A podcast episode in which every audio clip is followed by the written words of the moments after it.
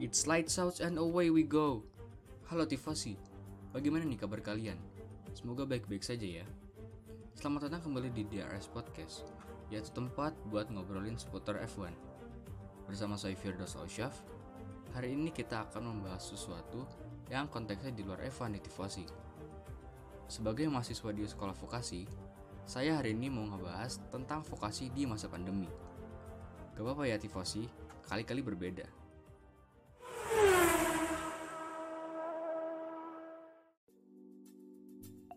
Oke, pertama-tama, apa sih maksud dari vokasi kuat menguatkan Indonesia?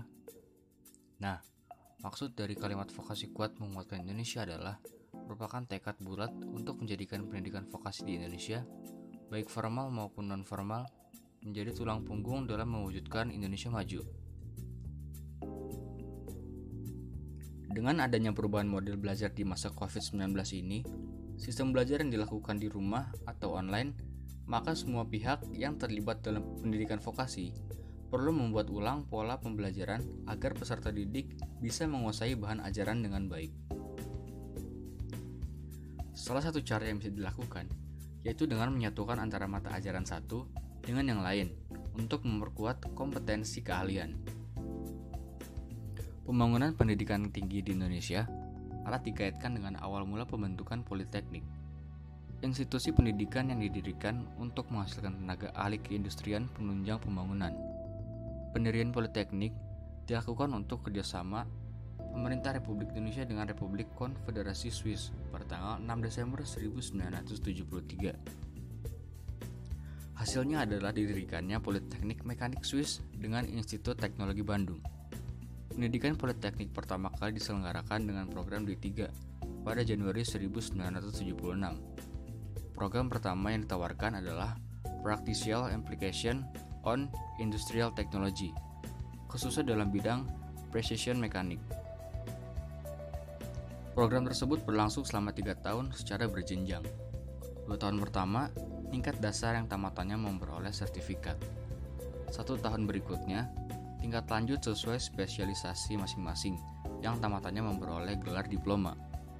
Keberhasilan program dalam mendidik tenaga terampil kemudian dijadikan dasar pengembangan pendidikan politeknik ke depan.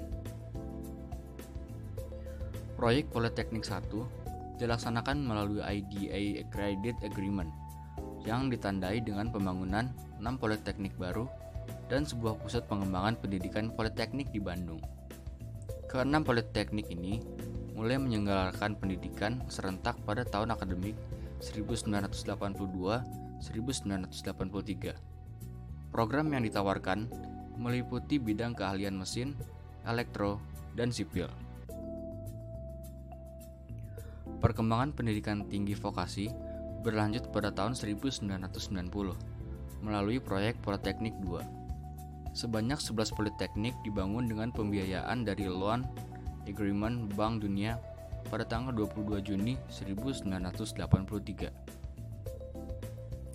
Politeknik baru dengan program D3 Politeknik Bidang Teknologi yaitu Universitas Syah Kuala, Universitas Andalas, Universitas Hasanuddin, dan Institut Teknologi 10 November.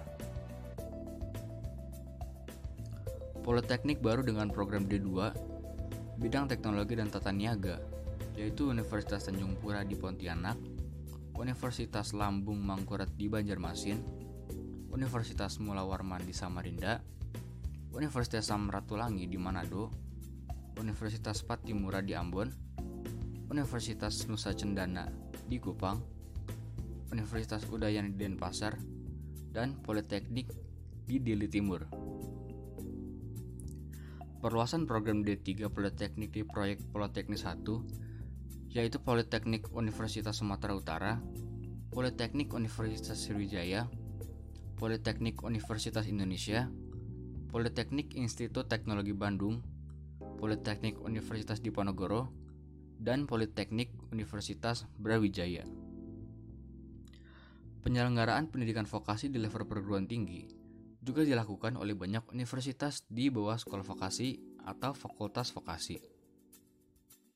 Pada tahun 1979, Institut Pertanian Bogor membuka program diploma IPB yang kemudian setahun berselang berubah menjadi Fakultas Politeknik Pertanian. Program ini sempat diintegrasikan dalam fakultas yang relevan, hingga akhirnya Sekolah Vokasi IPB resmi dibentuk. Pada 1989, Universitas Indonesia mengembangkan program pendidikan vokasi untuk jenjang D3 yang saat itu dikelola oleh fakultas.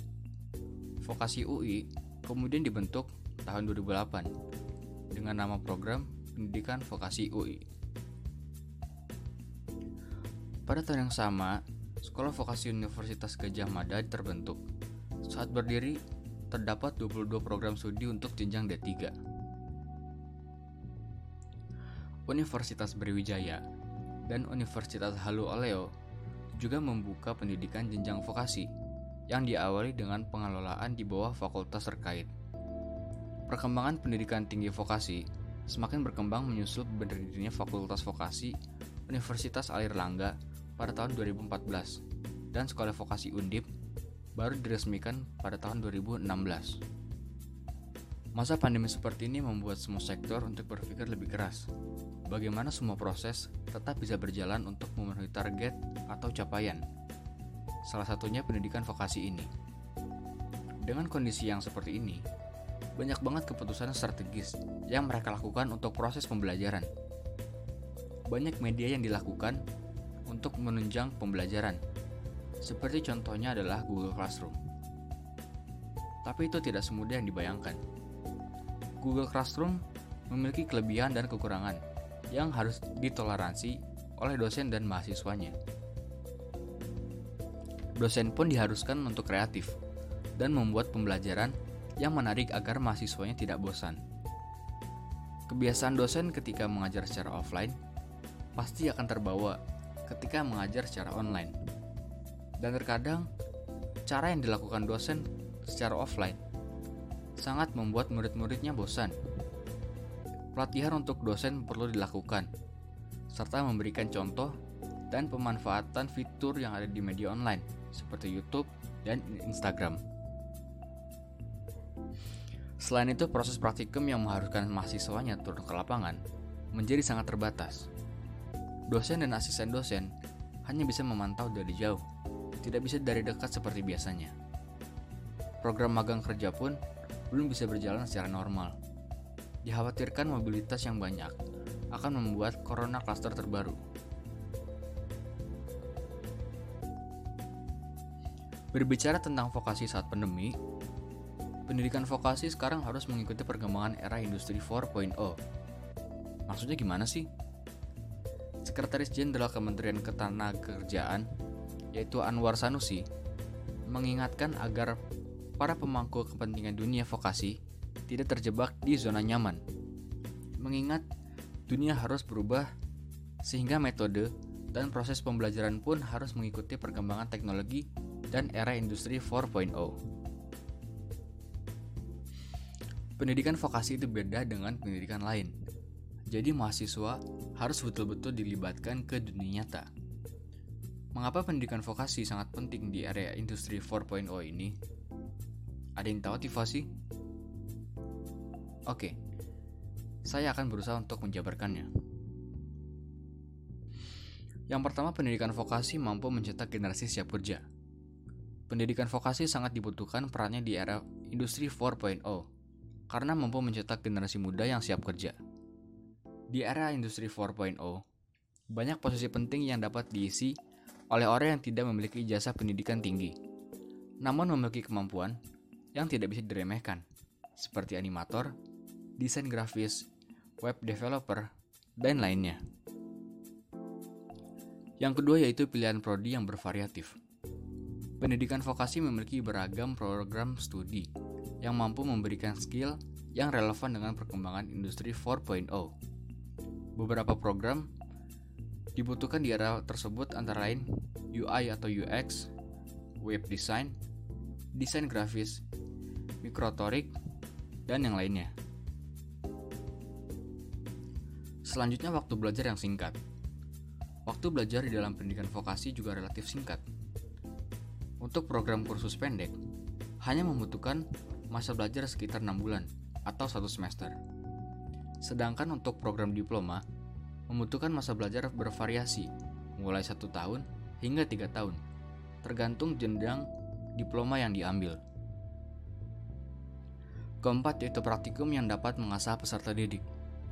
Peran pendidikan vokasi di industri 4.0 sangatlah penting, karena pada sistem pendidikan ini menerapkan jam mata kuliah praktikum yang lebih panjang dibanding mata kuliah teori. Durasi praktikum yang panjang ini mampu mencetak lulusan dengan skill yang mumpuni di bidangnya. Dan yang terakhir yaitu kesempatan magang.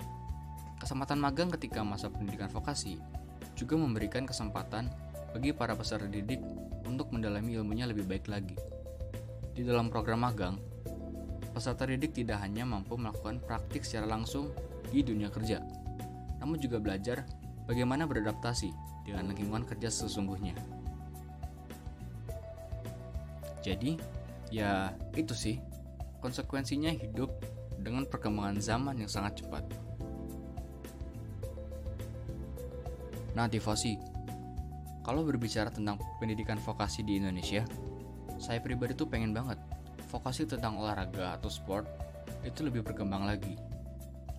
Dunia olahraga di dalam pendidikan juga nggak bisa dianggap sebelah mata. Banyak atlet-atlet yang sudah mengharumkan nama Indonesia di kancah internasional. Ya, saya pribadi sih pengennya pendidikan vokasi berbasis olahraga ini bisa lebih diseriusin lagi. Tapi ya terkadang orang tua tuh mau anaknya yang bekerja dalam kutip yang pasti-pasti aja. Menjadi atlet itu nggak menjanjikan untuk ke depannya. Pernah dengar kan kalimat tersebut, Tifosi? Well, sebenarnya pernyataan itu nggak sepenuhnya salah sih. Tapi coba aja mereka bisa memandang pendidikan vokasi olahraga dengan pengetahuan yang sangat luas. Dijamin, pasti semua orang tua akan mendukung anaknya secara penuh. Nah, Tifosi, itulah beberapa pembahasan tentang vokasi di masa pandemi. Dengan kuatnya akar pondasi pendidikan vokasi di Indonesia, saya yakin Indonesia sendiri akan menjadi lebih kuat seiring berjalannya waktu.